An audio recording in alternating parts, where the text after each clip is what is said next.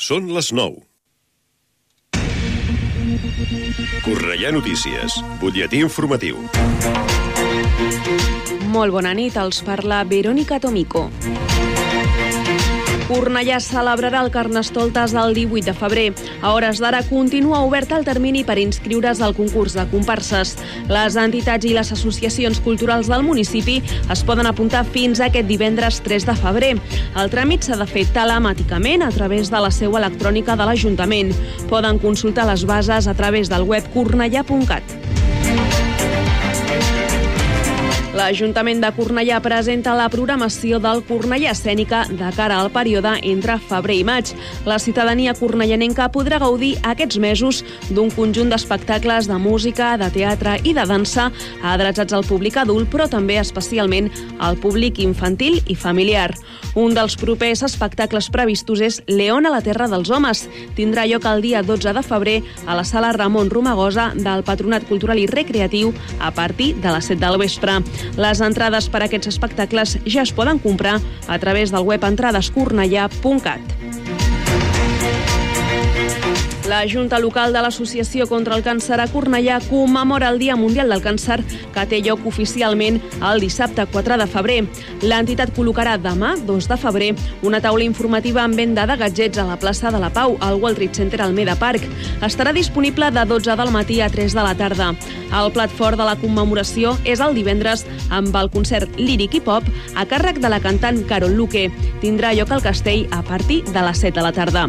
El preu de les entrades és de 5 euros i es poden comprar a la floristeria París Baiana al carrer de Sant Isidre número 2, situada al costat del Patronat Cultural i Recreatiu. Fins aquí aquest butlletí informatiu. Poden seguir informats de l'actualitat de la nostra ciutat al Cornellà Notícies de la una del migdia, als butlletins horaris i a l'app i la web de Ràdio Cornellà. També trobaran les darreres actualitzacions i notícies al radiocornellà.cat i a les xarxes socials de la ràdio, Twitter, Facebook i Instagram. Ara el temps. Connectem amb l'Agència Estatal de Meteorologia. Bona nit. Demà dijous esperem una jornada a Catalunya predominada pel temps estable en general, amb cels poc nuvolats o clars, tot i que durant el matí tindrem algunes boires gebradores a zones de la depressió central amb unes temperatures que no canviaran gaire, amb unes mínimes de 3 sota 0 a Lleida, de 0 graus a Girona, la mínima serà de 5 graus positius a Tarragona i de 7 a Barcelona, mentre que les temperatures màximes rondaran els 17 graus a Tarragona, els 16 a Barcelona i a Girona i els 10 a Lleida. Per últim, se'n referim al vent, predominarà la tramuntana a l'Empordà amb ratxes que podran superar els 50 o 60 km per hora i amb onades al litoral de més de 2 o 3 metres d'alçada, mentre que la resta el vent serà del nord-oest i serà més intens al sud de Tarragona. És una informació de l'Agència Estatal de Meteorologia. L'informació de Cornellà. Més a prop, impossible. Ràdio Cornellà, 104.6 FM.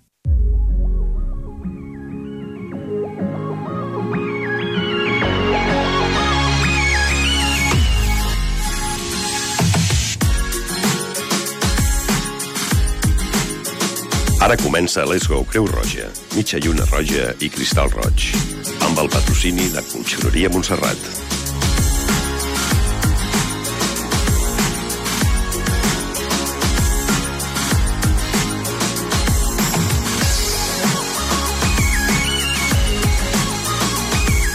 No és una endivinalla, però sense mirar el rellotge ja és l'hora. és l'hora de Creu Roja. Bona nit, Rosa Maria Pastor. Bona nit. Bona nit, company. Bona nit. Torna a Què estar a venir amb nosaltres. Molt bé. Bona nit, Marc Fort. Bona nit a tots. Comencem el programa del dia 1 de febrer de 2023. Uh, estem a l'hora de Cruz Roja, el 104.6 de la FM de Ràdio Cornellà i, com sempre, farem una petita introducció sobre qué, de qué parlarem avui. El programa Cruz Roja reacciona y el despliegue de ayudas a la crisis es uno de los temas que trataremos. La necesidad de reforestar bosques y recuperar el ecosistema nos lo comentará y nos lo instruirá nuestra compañera Mayalén Prieto. Consejos para aliviar y evitar el dolor lumbar, algo que acontece cada vez más y conforme vas ganando años eh, todavía se reproduce más. Eh, Olga George y sus adivinanzas, que hoy, por cierto, lo tendremos que hacer en vivo y en directo porque Olga eh, está de vacaciones y automáticamente nos ha dejado mm, con una adivinanza especial que es que había que adivinar qué era lo que teníamos que decir en la adivinanza. Y ya, y ya lo vamos a adivinar. Eh, las adivinanzas geográficas. Recordad que hace dos semanas o tres que estamos hablando de determinados puntos de la geografía española que se describen con detalle por parte de Mayalen y que consiste concretamente en, con esos datos, eh, saber eh, de qué punto geográfico estamos hablando. Tips para lidiar con personas tóxicas eh, será el comentario y la instrucción que nos dará hoy nuestra doctora preferida, psiquiatra doña mm, Marían Rojas Estapé. Y eh, hablaremos, como hicimos la semana pasada, sobre alimentos de la dieta que influyen en los cuadros de insomnio, porque tener insomnio es un problema que luego repercute de forma grave en la salud. Así que esos serán los puntos concretos. Luego llegará seguramente la despedida, pero antes, antes tenemos por delante mucho camino que andar. Tenemos unos primeros auxilios que saber conocer para eh, poder combatir las situaciones de emergencia en la vida. No t'imagines com de valuós pot ser un gest a la teva empresa. Un somriure que motiva, un senyal d'aprovació que orienta, una compressió al pit que ajuda a recuperar una parada cardiorrespiratòria. Ensenya al teu equip els gestos més valuosos. Informa't i contracta els cursos de primers auxilis per a empreses a Cruz Roja Punès o al 902 22 22 92. Aprèn a salvar vides. 21 horas 06, eh, 104.6 de la FM, Cruz Roja Reacciona. Es un programa social contra la crisis actual. Cruz Roja lanzó el, programa Cruz Roja Reacciona una respuesta directa, inmediata y cercana ante la crisis para responder a las crecientes necesidades de la población en un contexto de incremento sostenido de los precios de bienes y precios básicos. En una primera fase, Cruz Roja pretende atender las necesidades de más de 100.000 personas, algo así como 25.000 familias. El plan Cruz Roja Reacciona parte con un presupuesto inicial, inicial de 8 millones de euros. Un 70% de las personas que piden ayuda a Cruz Roja en la pospandemia son mujeres. A finales de septiembre de 2022, Cruz Roja lanzó su plan de respuesta urgente ante la crisis consecuencia de la pandemia. El cambio climático, el conflicto en Ucrania, esa respuesta ha sido llamada Cruz Roja Reacciona. Desde entonces, la organización humanitaria ha entregado 21.566 ayudas a cerca de 13.600 personas, principalmente económicas, y de productos alimentarios y de higiene. Este es solo el principio del planteamiento que Cruz Roja tiene distribuido en 12 meses, con una dotación de 8 millones de euros iniciales, con los que se pretenden atender a más de 25.000 hogares del territorio. Hasta la fecha y con más de la mitad del objetivo ya alcanzado en sus primeros meses de funcionamiento, las mujeres han sido las que más demandas de ayuda han solicitado. Así la, la población femenina, el 70%, ¿eh? entre el 30 y 50 años de edad, ha sido la que más ayuda ha requerido. Entre la franja de 31 y 40 años de edad, se han entregado ayudas a más de 2.649 mujeres, frente a 798 hombres. Mientras que de 41 a 50 años son 2.233 mujeres frente a 808 hombres los que se han entregado. Las cifras también dejan brecha de género en las mujeres jóvenes de 21 a 30 años de edad. 1.458 frente a 603 hombres. Y las de 51 a 60 años, 1.178 frente a 684. En ningún tramo de edad el número de mujeres es menor, menor, que el de hombres, aunque de 0 a 10 años de edad los niños y niñas descendientes de solicitantes están prácticamente igualados en número, 389 niñas frente a 388 niños. Entre las ayudas entregadas destacan los, los productos alimentarios, más de 4.200, o de higiene, 1.200, sanitarios, 856 y vestuario, 817. Y las económicas, más de 6.300 ya entregadas para coberturas de primera necesidad como pagos de recibos de suministros, vivienda, transporte o ayudas educativas y formativas, que se incrementan frente al año 2021. Andalucía y Cataluña son las comunidades autónomas en las que más ayudas se han entregado, seguidas del País Vasco, como Vizcaya supera Barcelona y Madrid como provincia, frente a las escasas intervenciones de La Rioja, Extremadura o región de Murcia. En el año 2022, Cruz Roja ha notado el aumento generalizado de demandas. Ha pasado de tener 346.000 a más de 447.000 el año pasado, proveniente de más de 340.000 personas, lo que supone un incremento de más del 30%. La situación de crisis actual provoca que muchos hogares del país atraviesen grandes dificultades para atender sus necesidades básicas, especialmente en vivienda, gas, electricidad, alimentos y transportes. Este incremento progresivo puede llegar a producir que esas necesidades básicas resulten inaccesibles para los hogares más vulnerables. Desde cada área de la organización se ayuda a las personas a disfrutar de una mejor calidad de vida, acceder a recursos que les permita ejercer una participación activa, desarrollar las competencias que les permita insertarse en mercado laboral en igualdad de condiciones, superar las situaciones agudas o crónicas que ponen en peligro sus vidas, tener oportunidades y recursos para participar en la vida económica, social y cultural y mejorar la gestión de su salud y apliquen hábitos de vida saludable. Ansiedad, insomnio, depresión. Llamar a las cosas por su nombre es de valientes. Pedir ayuda, si lo necesitas, también. Cruz Roja te escucha. Llámanos 900 107 917.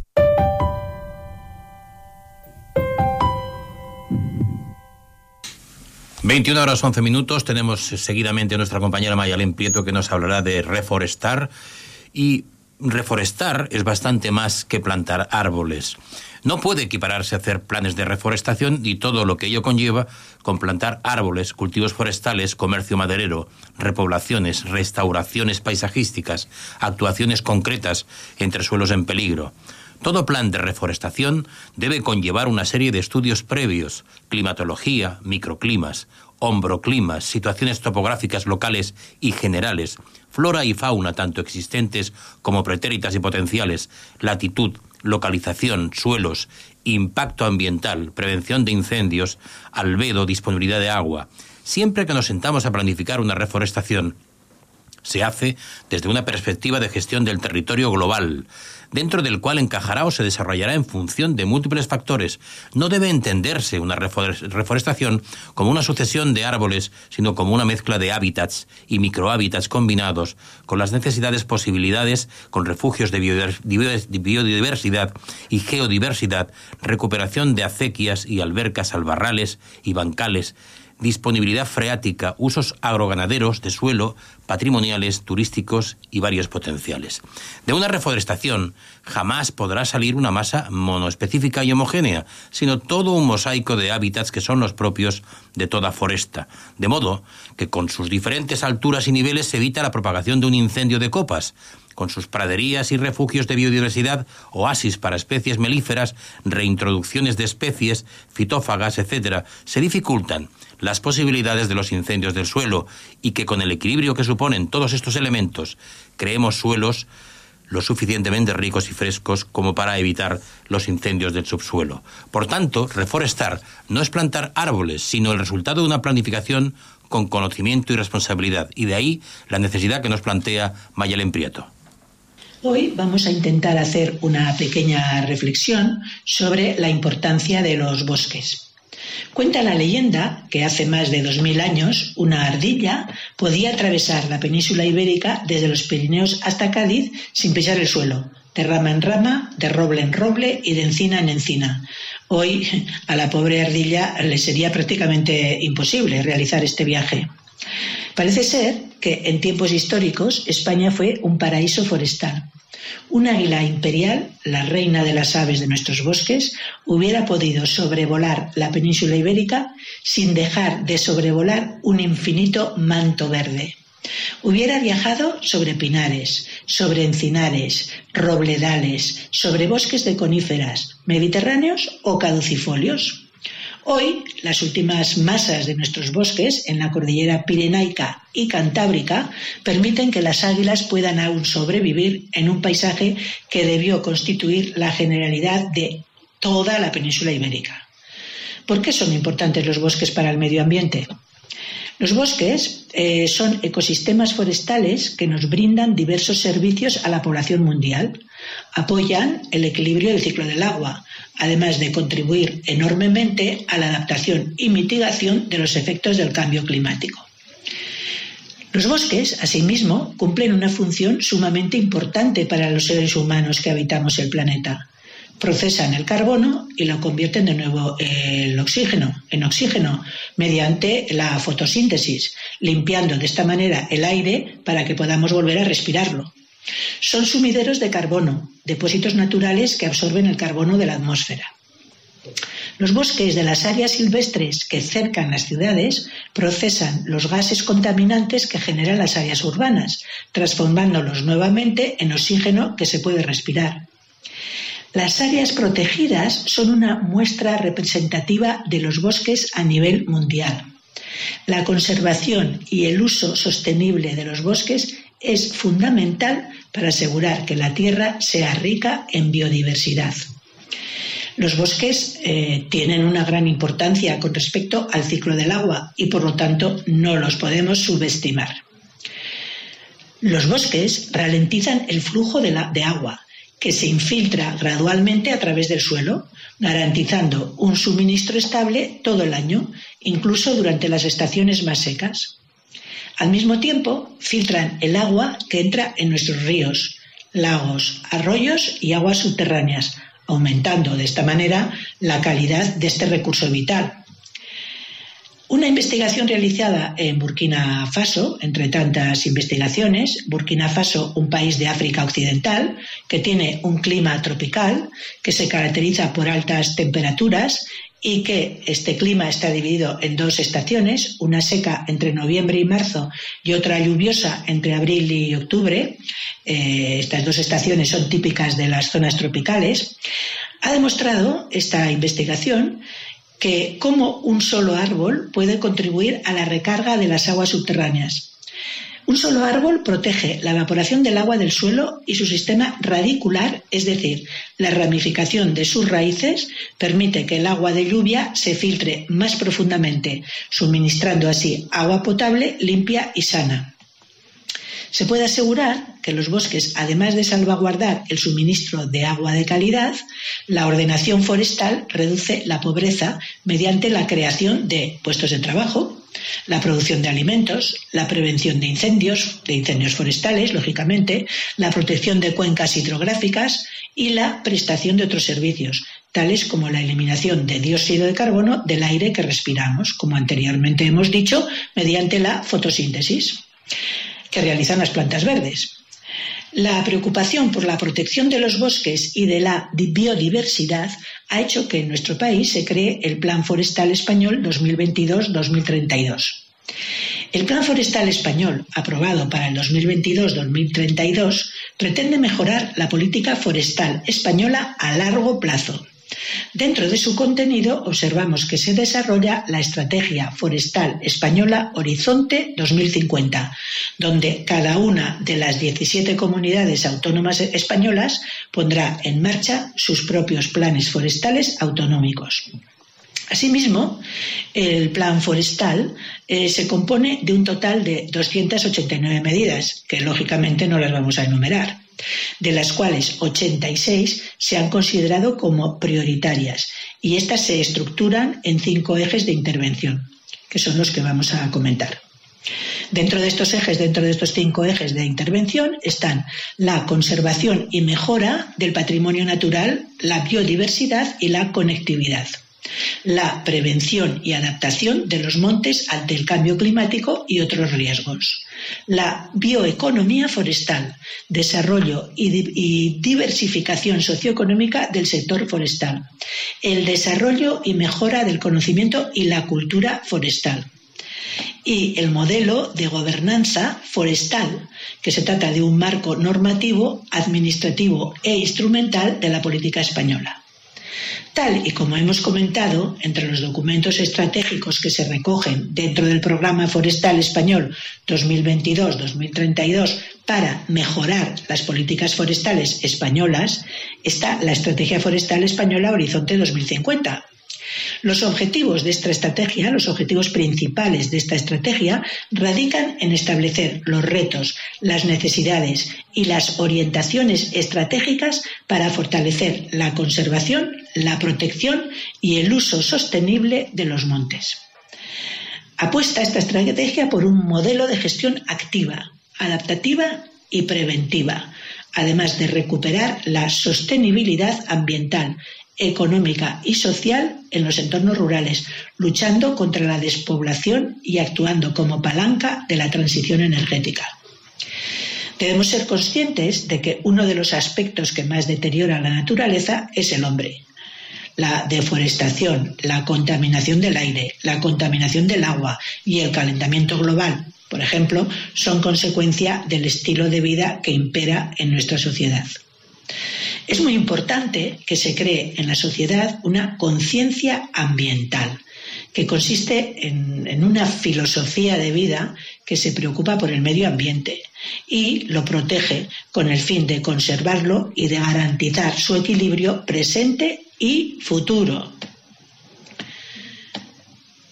Es importante reforestar los bosques, cuidarlos y protegerlos, pero también es muy importante reforestar con árboles y plantas autóctonas los parques y jardines de nuestras ciudades. El futuro del planeta está en nuestras manos. Acuerdo por una ciudad verde.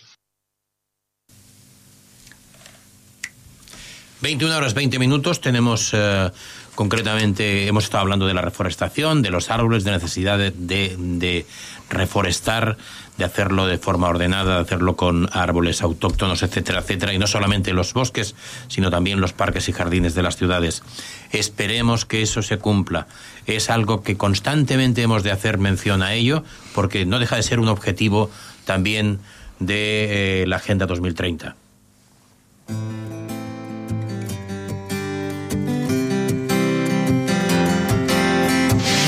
Creia saber què és el dolor. Ningú m'havia fet sentir pitjor. Amb les paraules pots fer mal.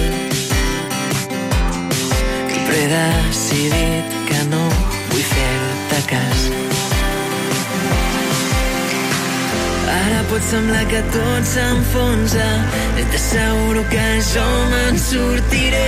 Quan la nit sembla que és més fosca respiro. Em veus lluitant aquesta guerra. Sempre amb els peus a terra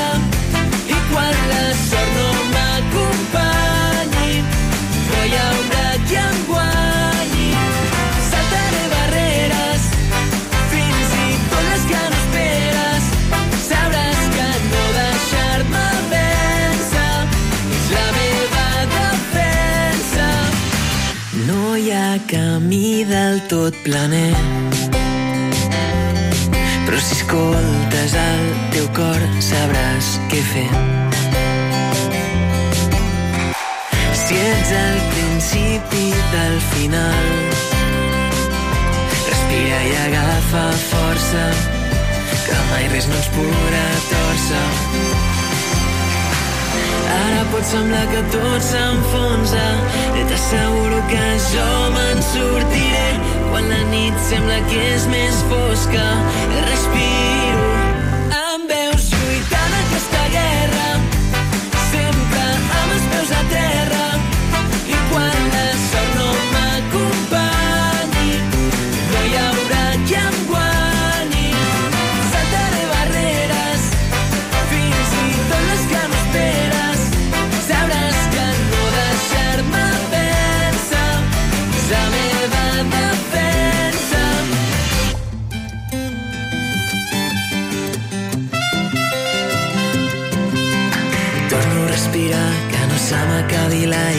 Torno a respirar, que vull veure-hi clar.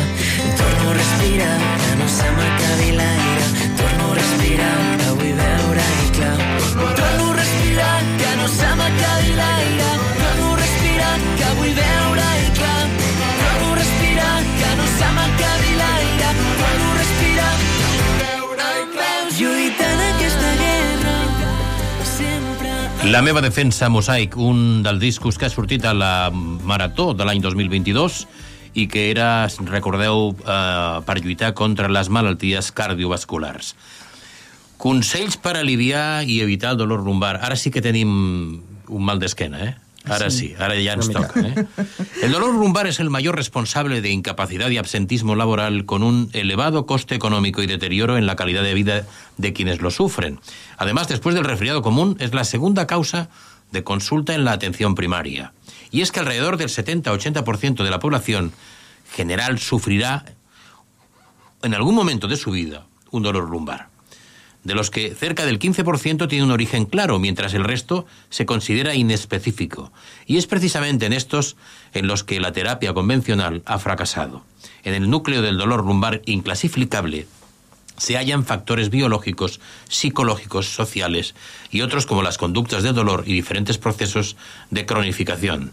El dolor lumbar puede prevenirse y combatirse con sencillos ejercicios y es lo que ahora vamos a entrar de lleno en ello. Sí, el dolor lumbar es la segunda causa más común de ausentismo laboral. Este dolor puede aparecer de forma intensa desde un primer momento o aumentando paulatinamente su intensidad a medida que van pasando los días. Existen diversas causas, siendo la de origen postural la más numerosa, seguidas de los procesos traumáticos y degenerativos. La lumbalgia afecta entre un 70 y 85% de la población a lo largo de su vida, convirtiéndose además en la primera causa de limitación física en personas menores de 45 años. El ejercicio de tipo aeróbico, como la natación, caminar o ejercicios similares, va a favorecer el estado físico ya que contrariamente a otras patologías, la lumbagia no mejora con el reposo y sí favorece el fortalecimiento muscular lumbar, proporcionando estabilidad y movimiento, previniendo nuevos episodios.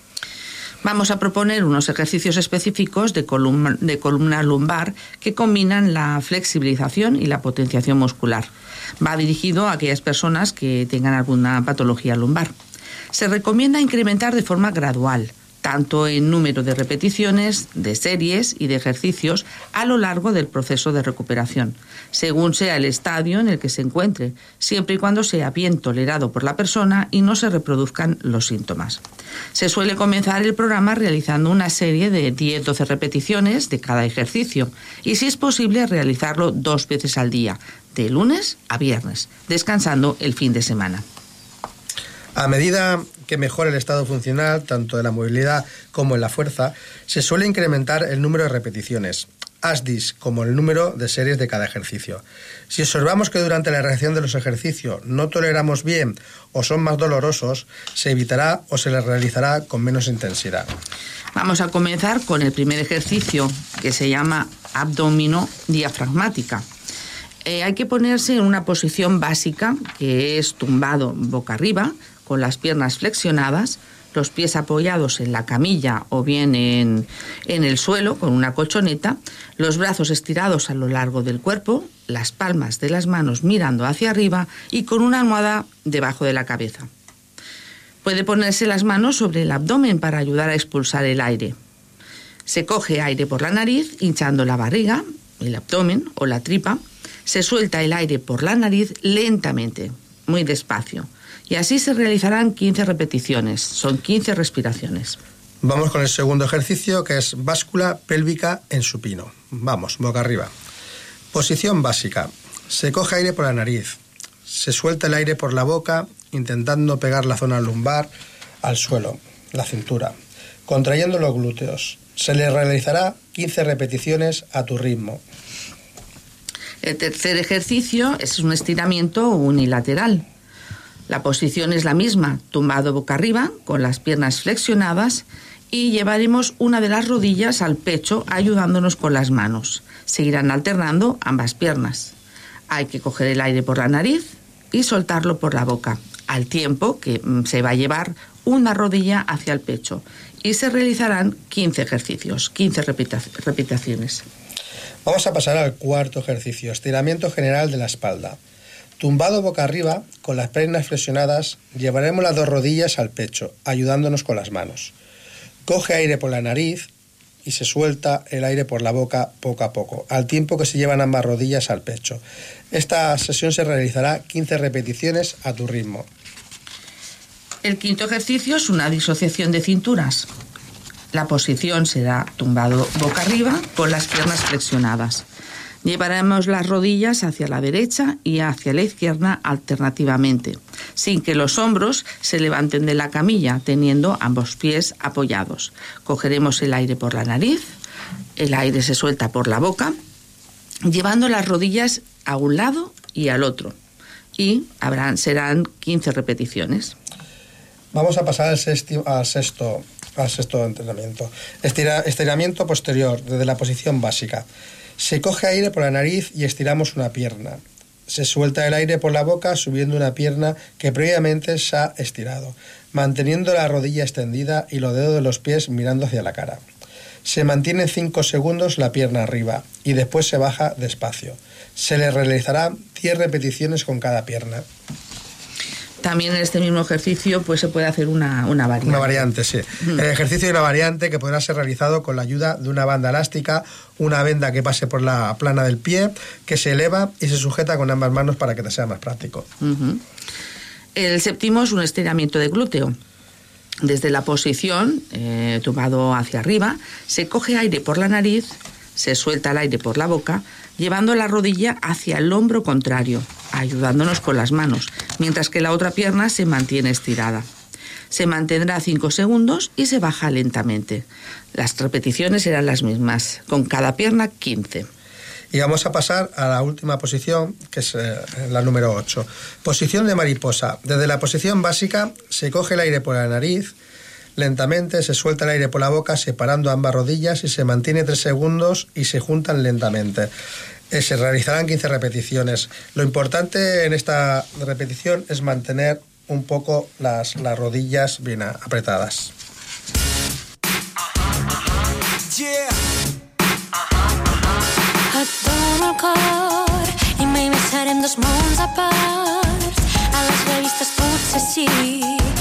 Seguiràs guiant. Perquè a l'obscuritat no veus mai res brillar i em pots necessitar. Saps que amb mi pots comptar. Perquè quan brilla el sol brillem nosaltres. Et vaig dir que hi seria sempre, que seríem sempre amics. Vaig prometre que em tindries fins al fi. I ara sota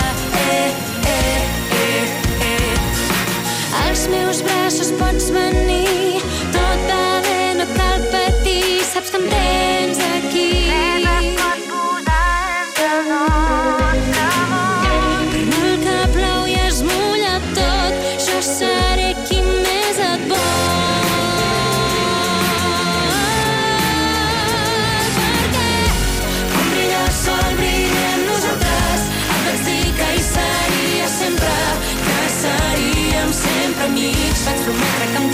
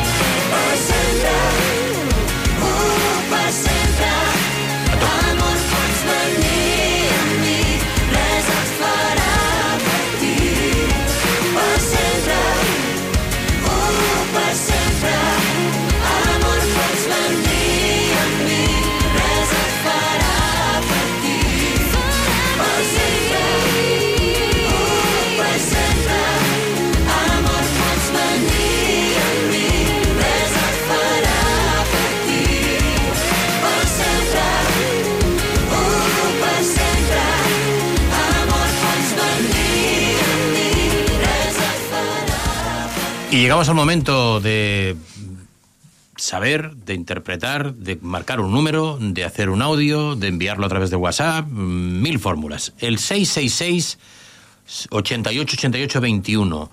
Eh, así, así era la adivinanza de la semana anterior y la solución será también en breve. Así decía Olga que había que acertar la solución. ¿Cuál es la casa formada por vestidos de animales? Cinco hermanos desiguales hacen en ella morada para librarse de males. La solución, el zapato, Los cinco hermanos desiguales que hacen la casa morada, etcétera, etcétera. Esa era la solución. 666 88 88 21 y ahora tenéis que tener presente cuál va a ser la adivinanza para acertar en la semana próxima, que es la que yo voy a indicar en breve y en vivo y en directo. ¿Qué es aquello que a su paso el hierro oxida, el acero se rompe y la carne se pudre? ¿Qué es aquello que a su paso el hierro oxida, el acero se rompe y la carne se pudre? Tienes que dar la solución mediante un audio al 666 88 88 21 y tienes premio asegurado 666 88 88 21. Repetimos, ¿qué es aquello que a su paso el hierro oxida, el acero se rompe y la carne se pudre? Esta es la adivinanza de la semana siguiente y ahora recordamos la de nuestra compañera Mayalén, que era el punto geográfico.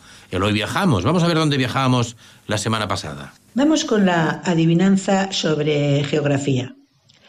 A ver quién adivina este municipio y en qué comunidad se encuentra.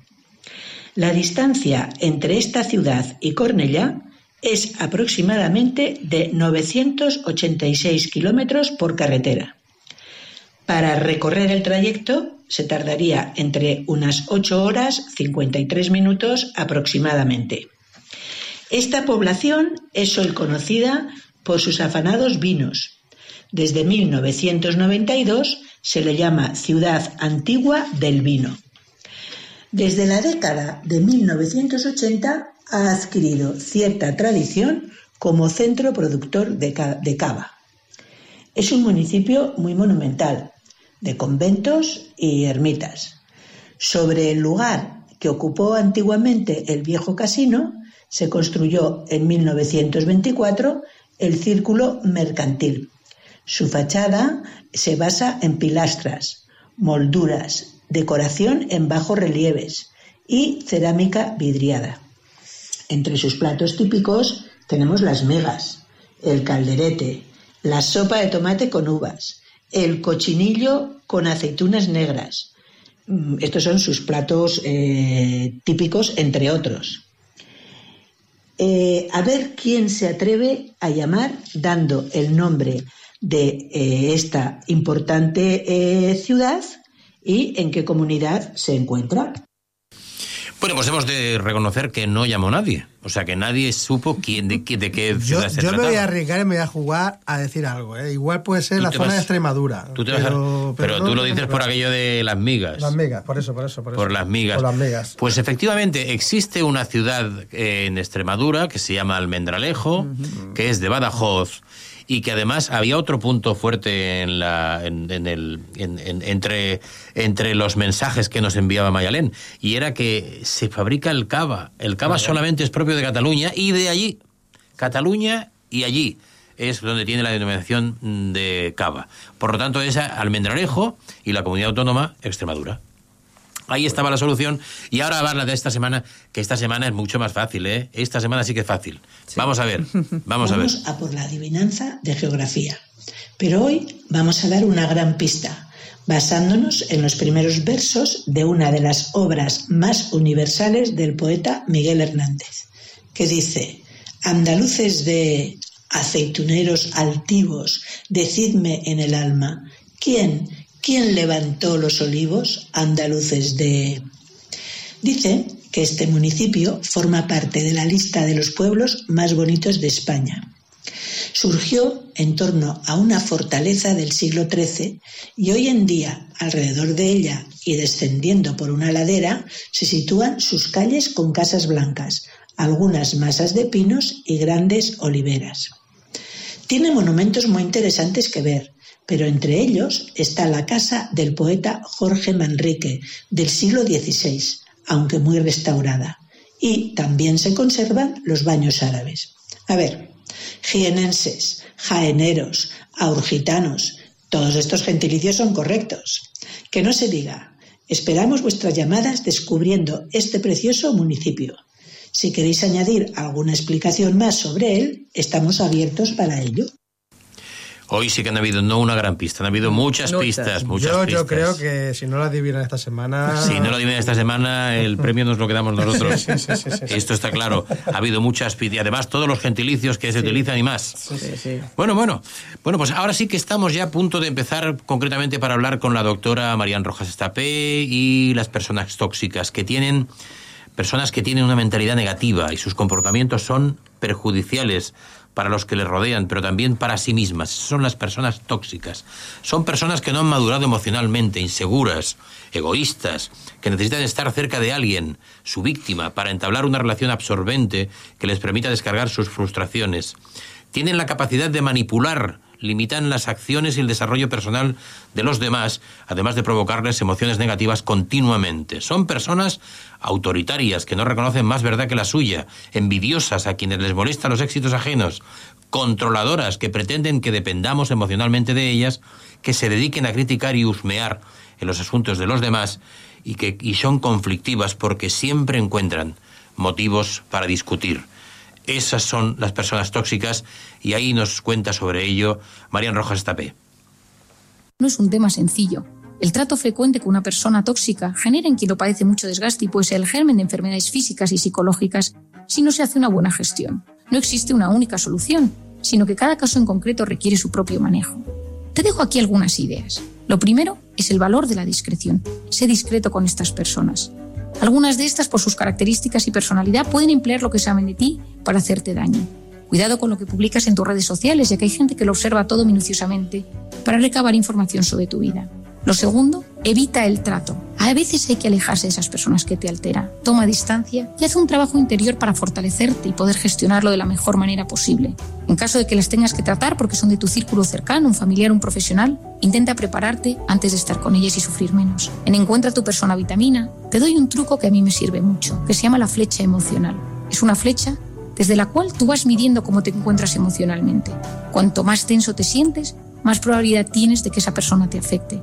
Te recomiendo que utilices el cuadro y la flecha emocional del libro para entender cómo te afectan a ti este tipo de personas. No olvides que hay personas que llegan a nuestras vidas y las mejoran. Otras, en cambio, cuando se alejan, las mejoran todavía más. El tercer punto es ignorar sus opiniones. Hemos hablado de que gran parte del efecto tóxico radica en que opinan de modo constante y malévolo sobre tu vida desgastándote. Si les consigues ignorar, te sentirás más libre frente a sus palabras y comportamientos. Relativiza lo que te dicen y cómo te lo dicen. Ponte el impermeable psicológico, es decir, que las cosas que te digan y cómo te las digas te resbalen. Luego llega al cuarto punto.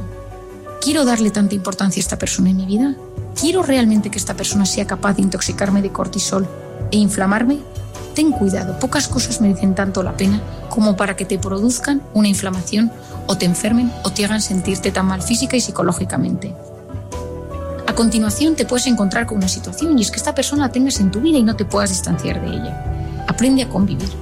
Hay personas que por motivos que se nos escapan están en nuestro camino sí o sí. No hay forma de eludirlas siempre. Si este es el caso y no puedes alejarte de ellas, realiza un ejercicio de adaptación. En el capítulo del libro Encuentra tu persona vitamina, dedico un apartado a cuando tu pareja es tóxica o tus padres o tus hijos son los tóxicos. A veces hay que comenzar estudiando si es un tóxico solo para ti o es un tóxico para todo tu entorno. Investiga las raíces del problema que esta persona te genera. Entiende por qué te altera tantísimo. ¿Qué te sucede cuando la ves? ¿Te sientes inseguro? ¿Notas que te juzga? ¿Es envidia? ¿Hay sentimientos de rabia, de temor o de ira? Procura ser tu propio terapeuta y ve avanzando en el diagnóstico. A continuación, vuelve a mi lema, comprender es aliviar. Una vez más, si intentas discernir lo que hay detrás del comportamiento de esa persona, sus problemas, sus dificultades, entenderás mejor su forma de actuar contigo y tu cortisol se elevará menos. ¿Qué le pasa a la persona que tienes enfrente? ¿Cuál es su historia? ¿Es tímido? ¿Es inseguro? ¿Tiene problemas de autoestima? ¿Lleva heridas emocionales? ¿Nadie le ha enseñado a querer? ¿Es agresivo? ¿Eres su vía de escape? ¿Te tiene envidia? ¿Solo reacciona de esta forma contigo? Es decir, Cuando uno comprende a la persona tóxica se siente aliviado. Y a veces hay que pararse, analizarla, sea quien sea, tu madre, tu padre, tu jefe, tu exmarido, tu exmujer, tu hijo, ¿qué fase vital está atravesando? Para sentirse bien hay que saber cuál es su biografía. Y eso a veces requiere escuchar, entender, profundizar o preguntar. ¿Qué es justo lo que no queremos hacer con esa clase de personas? Un paso fundamental con las personas tóxicas es usar el corazón. Qué difícil es utilizar el corazón con la persona que te hiere. No digo que te machaque ni que se aproveche. Me refiero a que no juzgues con tanta dureza. Esa frialdad y rabia es un veneno que se apodera de ti. Busca entender si ves que eso te alivia. Habrás avanzado mucho en crecimiento personal. Si cambio percibes que abusa más por emplear tu corazón, aléjate y protégete. No te conviene estar con una persona así. El perdón es un acto de amor. Perdonar es ir al pasado y volver sano y salvo. Qué difícil, pero a la vez que importante. No sé si recuerdas en cómo hacer que te pasen cosas buenas la historia de Soctie, la niña que me marcó tan profundamente y donde yo aprendí que el perdón es un acto de amor. Esa niña camboyana, después de haber sido violada por tantas personas, cómo me enseñaba a mí, me daba una lección de amor con su historia sobre el perdón. Es un camino de purificación y liberación interior, a veces lento, pero también progresivo. Si uno no perdona, queda enquistado en el ayer y se convierte en un ser resentido y sin capacidad de amar. No olvides que perdonar es cerrar los ojos, mirar atrás y decir, todo está bien. No es un proceso sencillo, pero conseguirlo libera y te da fuerza para seguir adelante sin ninguna carga. Para terminar, dos últimos tips para desbloquear a las personas tóxicas de tu entorno. Un abrazo y un plan. No quiero dejar de mandar un mensaje positivo en este capítulo. Los que me conocen lo saben. Soy una gran fan de los abrazos. Los abrazos son un arma muy poderosa. Ya lo sabes si has escuchado estos audios. Liberan oxitocina. El COVID parece habernos robado temporalmente, pero en cuanto las circunstancias lo permitan, hay que realizar la revolución del abrazo. Volver a demostrarnos afecto. Regar con chorros de oxitocina a las personas que nos gustan y reconciliarnos con los tóxicos a través del abrazo. No olvidemos que un porcentaje muy elevado de estas personas yo diría que casi el 90% es gente que no se siente querida y que arrastra una gran frustración emocional. Y por otro lado, haz un plan con ellos. Regálales un libro, una conferencia, hacer una actividad juntos, algo con lo que disfruten. Es más fácil comenzar con una actividad que con una conversación. Muchos individuos, sobre todo los hombres, perciben las conversaciones serias y directas como una agresión. Si realizas un plan, se genera una conexión. Cuando esa puerta se abre, es mucho más sencillo que se inicie un diálogo que ayude a la otra persona a salir del bucle. Seguro que te estás preguntando, ¿y si la persona tóxica es de mi entorno más cercano? ¿Y si es un padre? ¿Y si es una madre? ¿Y si es mi pareja? A lo largo del libro y sobre todo al final, hablo profundamente de esto, con muchos casos y te recomiendo que lo leas si estás pasando por una situación así. Lo deseable es que nunca hayas pasado por esto, pero si lo has sentido y has sentido que tus padres, tu pareja o tus hijos no te quieren, te humillan o te hacen daño y te desgastan, sabes que es una situación desgastante, triste y muy frustrante. Se puede dar el caso de unos padres controladores, donde por ejemplo existe el miedo a que pierdan el control sobre su hijo o a que le suceda algo mal en su vida, por lo que suele ser frecuente en perfiles de padres perfeccionistas y obsesivos de la educación desde que son pequeños. Un padre que comienza así, tan encima, tan controlador, probablemente no sepa cortar las amarras cuando su hijo entra en la edad adulta. La consecuencia es lógica. Mediante toda clase de manipulación buscan dominarte en todos los campos de tu vida. Detrás de un maltrato de los padres hay una situación de abuso donde se produce un control y una conducta negativa y dañina hacia la otra persona. En estos casos puede haber un daño físico, es decir, que te hayan pegado, agredido, pero también un tremendo daño psicológico. Los instrumentos empleados son la intimidación, la coacción, la amenaza, el miedo, la manipulación, el ataque, el insulto o el menosprecio. Cuando un niño ha sufrido por parte de sus padres maltrato psicológico en su infancia, existen muchas posibilidades que si no se corta y no se trata, ese daño perdure y se cronifique. Muchos problemas de autoestima se originan así. Cuando esa situación de maltrato perdura en la edad adulta, yo lo denomino el sufrimiento silencioso. Las personas que padecen esto, si bien son muy conscientes de ello y del daño que les infligen, no suelen compartirlo con nadie, les avergüenza y en ocasiones ni le han puesto nombre a lo que sienten. El cuerpo es el depositario de nuestra verdad y lleva dentro nuestro historial y cuida de cierta manera que seamos capaces de equilibrar las experiencias, las emociones y la salud. Mediante algunos síntomas nos alerta de que algo no funciona bien. No es fácil encontrar la causa, hay que ser muy valientes para gestionar una herida emocional que proviene de los padres. También puede darse un tema de muchísimo dolor. ¿Por qué hay madres que no quieren a sus hijos? Admito que la primera vez que conocí a una mujer que me reconoció que rechazaba a sus hijos me impactó. Me dijo, no les quiero, no siento nada hacia ellos, como si fueran hijos de otra persona, no les deseo el mal. simplemente no quiero tenerles cerca. Es verdad que sabemos que hay hijos que no cuidan bien de sus padres y padres que hieren y maltratan a los hijos, pero realmente ¿qué hay detrás de una madre que rechaza a los suyos? ¿Por qué puede ser que no les quiera? Hay progenitores que tienen hijos porque es lo que toca y no hay una preparación o un deseo. A veces es un embarazo en un momento inoportuno, en otros casos uno sucumbe a la presión de tenerlos porque las personas que le rodean ya han comenzado a aumentar familia. Si eres padre y estás leyendo estas líneas, sabes a qué me refiero. Tener hijos, en mi opinión, es uno de los grandes regalos de la vida, pero es verdad que tiene su lado negativo que todos los que somos padres hemos padecido en mayor o menor medida. Noches sin dormir, dificultad para viajar con tu pareja, momentos en los que estás saturado y no sabes qué hacer, sufrimientos por las dolencias de los pequeños, frustración al no saber gestionar sus rabietas o su educación, uno puede llegar a rechazar el bebé que lleva. Recuerdo una paciente que a este respecto me contaba que su hijo le había complicado la vida, que vivía más tranquila hasta que apareció. Pensar cosas así tiene un impacto directo en nuestro organismo. Hablar más de alguien, todavía más si se trata de un hijo, en nuestra mente, comentar y dialogar de forma negativa con nuestros pensamientos genera un efecto negativo que los más cercanos perciben. Una madre que siente indiferencia o desprecio por el nacimiento de su hijo probablemente no puede evitar transmitirle ese rechazo, sea de forma más o menos sutil. En cualquier caso, los efectos en la psique del hijo son terribles. Hay madres de todo tipo. Existen madres obsesivas y perfeccionistas, muy controladoras, que estarán obsesionadas en crear niños perfectos, estos estarán expuestos desde pequeñitos a problemas de ansiedad y estrés. Otras madres, con problemas de autoestima, previsiblemente tendrán hijos muy dependientes en lo afectivo para así no sentirse solas. Otras, de naturaleza insegura, reaccionarán convirtiendo la relación con sus hijos, sobre todo con sus hijas hijas, con sus hijas féminas, en una competición que llegará incluso a lo físico, con resultados francamente lamentables llegadas ciertas edades. La personalidad y la historia emocional de una madre influye de manera importante en cómo tratará su descendencia. Por eso repito constantemente que comprender es aliviar, desde la comprensión, desde la observación neutra de las heridas de los progenitores que hacen sufrir, uno es capaz de curar el dolor y la rabia que tienen.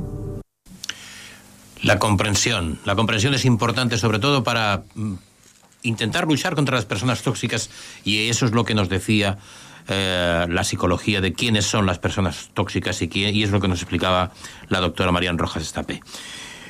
Pasamos página. Nos vamos al alimento de dieta que influye en los cuadros de insomnio. Estamos el año, el, el año, el, miércoles pasado, quería decir, hay que ver qué rápido pasan los años.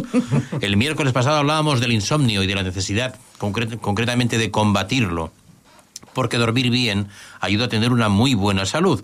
Y decíamos que la nutrición adecuada es importante para una mejor calidad y cantidad del sueño, mientras que unas dietas inadecuadas pueden causar fatiga, irritabilidad, depresión e insomnio los déficits de ciertos minerales y vitaminas son los que están más relacionados con los trastornos de sueño, de ahí que sea necesario conocer qué alimentos influyen en el insomnio. Los alimentos de la dieta que influyen en los cuadros de insomnio, a la hora de dormir bien o mal, los alimentos juegan un papel importante. La relación entre la nutrición y el sueño es sorprendentemente un área insuficientemente estudiada y permite que pocas afirmaciones categóricas esto es la relación de casualidad. No está probada científicamente, señala el director médico del Instituto Internacional del Sueño, doctor griego Diego García Borreguero. No obstante, el sueño es un mecanismo tan delicado que cualquier cosa puede afectarle, incluida la alimentación. Teniendo en cuenta estos datos, una nutrición adecuada es importante para una mejor calidad y cantidad de sueño, mientras que unas dietas inadecuadas pueden causar fatiga, irritabilidad, depresión e insomnio. Según un estudio español publicado en la revista Sleep, en la que participaron 1.596 participantes, la dieta mediterránea está asociada a una mejor calidad del sueño y además mantenida en el tiempo. Por el contrario, otras dietas para adelgazar pueden afectar negativamente a la calidad del sueño, ya que, como alerta el doctor García Borreguero, si no son supervisadas por un especialista, con facilidad pueden llevar a estados de carencias.